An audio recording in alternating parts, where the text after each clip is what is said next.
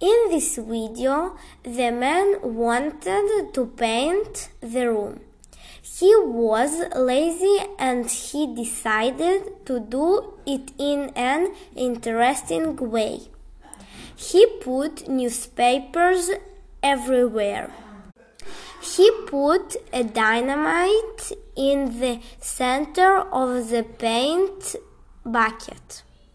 He went out of the room and closed his ears. At this time, another man came into the room and the dynamite has exploded. All the room was painted